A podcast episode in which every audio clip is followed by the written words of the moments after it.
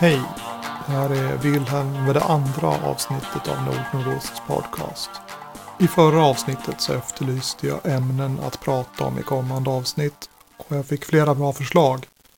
Och jag har gjort åtskilliga försök att göra ett bra avsnitt där jag diskuterar bakgrunden till indiespel och vad man kan få ut av dem ifall man har spelat mycket traditionella spel. Och det har inte blivit något bra. Så jag låter det ämnet vila ett tag och gör istället ett avsnitt med, om inte jultema så i alla fall helgtema.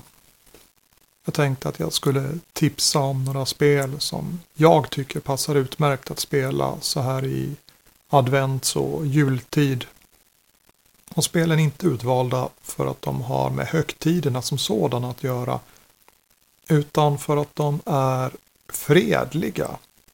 Det är spel som inte handlar om att slå ihjäl monster och ta deras skatter. Trevliga och snälla spel som man kan spela med nästan vem som helst utan att de blir förargade. Och det första spelet pratade jag om redan i förra avsnittet. Witch Quest av Tsugimi Wakiaka.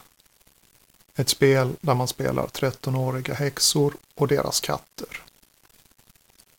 Spelet är inspirerat av filmen Kikis expressbud. Och utspelar sig därför i en värld som liknar vår egen med det undantaget att det finns häxor. Till formen är spelet ganska traditionellt. Man har en spelledare och sen har man spelare som spelar i par. Och i varje par så finns det en häxa och en katt. Och spelledaren gör det som spelledare brukar göra i rollspel. Beskriver spelledare, personer, platser och hjälper till att hålla handlingen i rörelse. Spelarna sitter i par och delar på ett rollformulär som till hälften behandlar katter och till hälften behandlar häxor. Och katterna och häxorna har dessutom olika regler Katterna är väldigt bra på att trolla. Men deras egentliga styrka är att de är väldigt bra på att hjälpa häxorna. Och häxorna i sig inte speciellt bra på just någonting alls. Spelet har en tendens att få en närmast slapstick-artad känsla när häxorna försöker göra saker och misslyckas konstant. Men katterna fungerar som häxornas mentorer och kan hjälpa dem allt de tar sig för. Och där finns en av spelets roliga mekanismer. Katterna har en pöl med hjälptärningar som de kan ge till häxorna. Och ju fler tärningar de lyckas pracka på häxorna när häxorna försöker göra saker, desto fler erfarenhet får de och desto mindre får häxorna. Så häxorna måste hela tiden gå balansgången mellan att lära sig saker själva eller ta hjälp av sin kattmentor. Just att spelarna sitter i par och samsas om rollformulär gör att spelet passar väldigt bra när man har stora grupper med spelare. För spelledaren pratar nästan bara med häxorna och katterna pratar mest med varandra och med sin häxa. Och det gör att även om man är väldigt många runt bordet så blir det inte så kaotiskt. Man kan ha bra ordning på spelet ändå. Det andra spelet är Itras by. Ett norskt rollspel av Ole Peder Gevär och Martin Bull Gudmundsen. Spelet utspelar sig i den väldigt surrealistiska Itras stad. En plats av generell ordning i ett hav av kaos. Vid första anblicken så liknar staden vilken europeisk stad som helst under mellankrigstiden. Men när man granskar den i sömmarna så hittar man talande apor, cigarrökande farbröder och hemliga sällskap. Även Itras by spelas på det traditionella viset med en spelledare och en grupp spelare. Men genom spelets regelmekanik så kan det hända intressanta saker som förändrar situationen. I spelet så använder man två kortlekar. En med handlingskort och en med chanskort. Handlingskortleken liknar det som man brukar använda tärningar till i vanliga rollspel. När rollperson gör något och spelaren inte kan bestämma sig för om handlingen ska lyckas eller misslyckas så kan man dra ett kort och ge till en annan spelare som med hjälp av kortet får berätta hur handlingen gick. En spännande mekanik som gör att även spelare som inte är med i en scen kan delta i den och vara aktiva även om deras rollpersoner inte är aktiva. Den andra kortleken, chanskortleken, innehåller små övningar och lekar som man kan spela i själva spelet.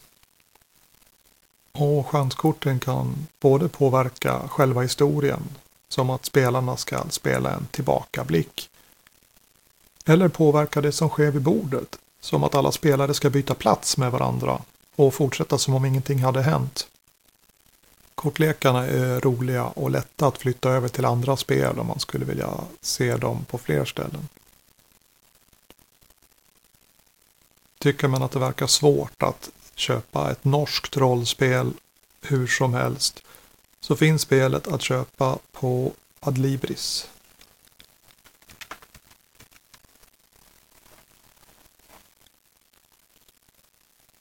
Och om man vill prova spelet lite försiktigt innan man köper så finns det ett färdigt äventyr med en regelsammanfattning att ladda ner från rollspel.nu. Det är Terje Nordins äventyr Ett hjärta av stål som jag har spelat flera gånger och haft mycket roligt med. Det får man kombinera med kortlekarna som går att ladda ner från spelets norska sida. Och tillsammans ger de färdiga rollpersoner ett färdigt äventyr som man spelar på en kväll ungefär. Mitt tredje tips är Panty Explosion Perfect av Jake Richmond och Mats Schlotte. Det är den andra utgåvan av spelet Panty Explosion. Och den första utgåvan hade nog inte fått vara med i den här uppräkningen av snälla och trevliga spel.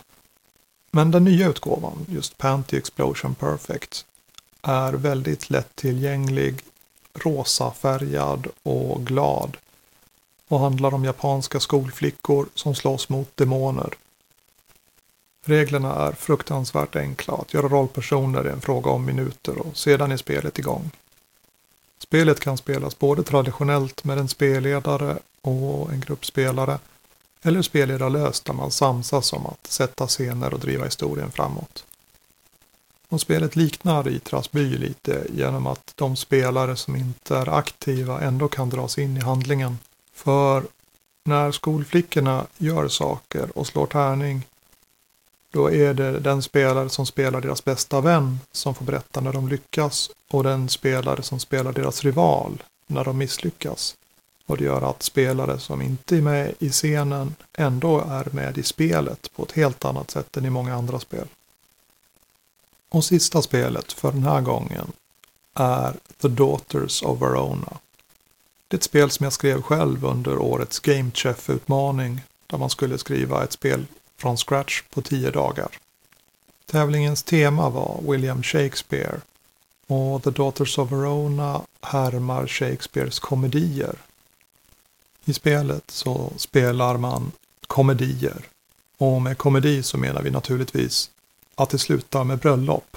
Inte nödvändigtvis att det är roligt, men det brukar bli väldigt roligt. Spelet har färdiga rollpersoner som bara består av ett namn och en bild.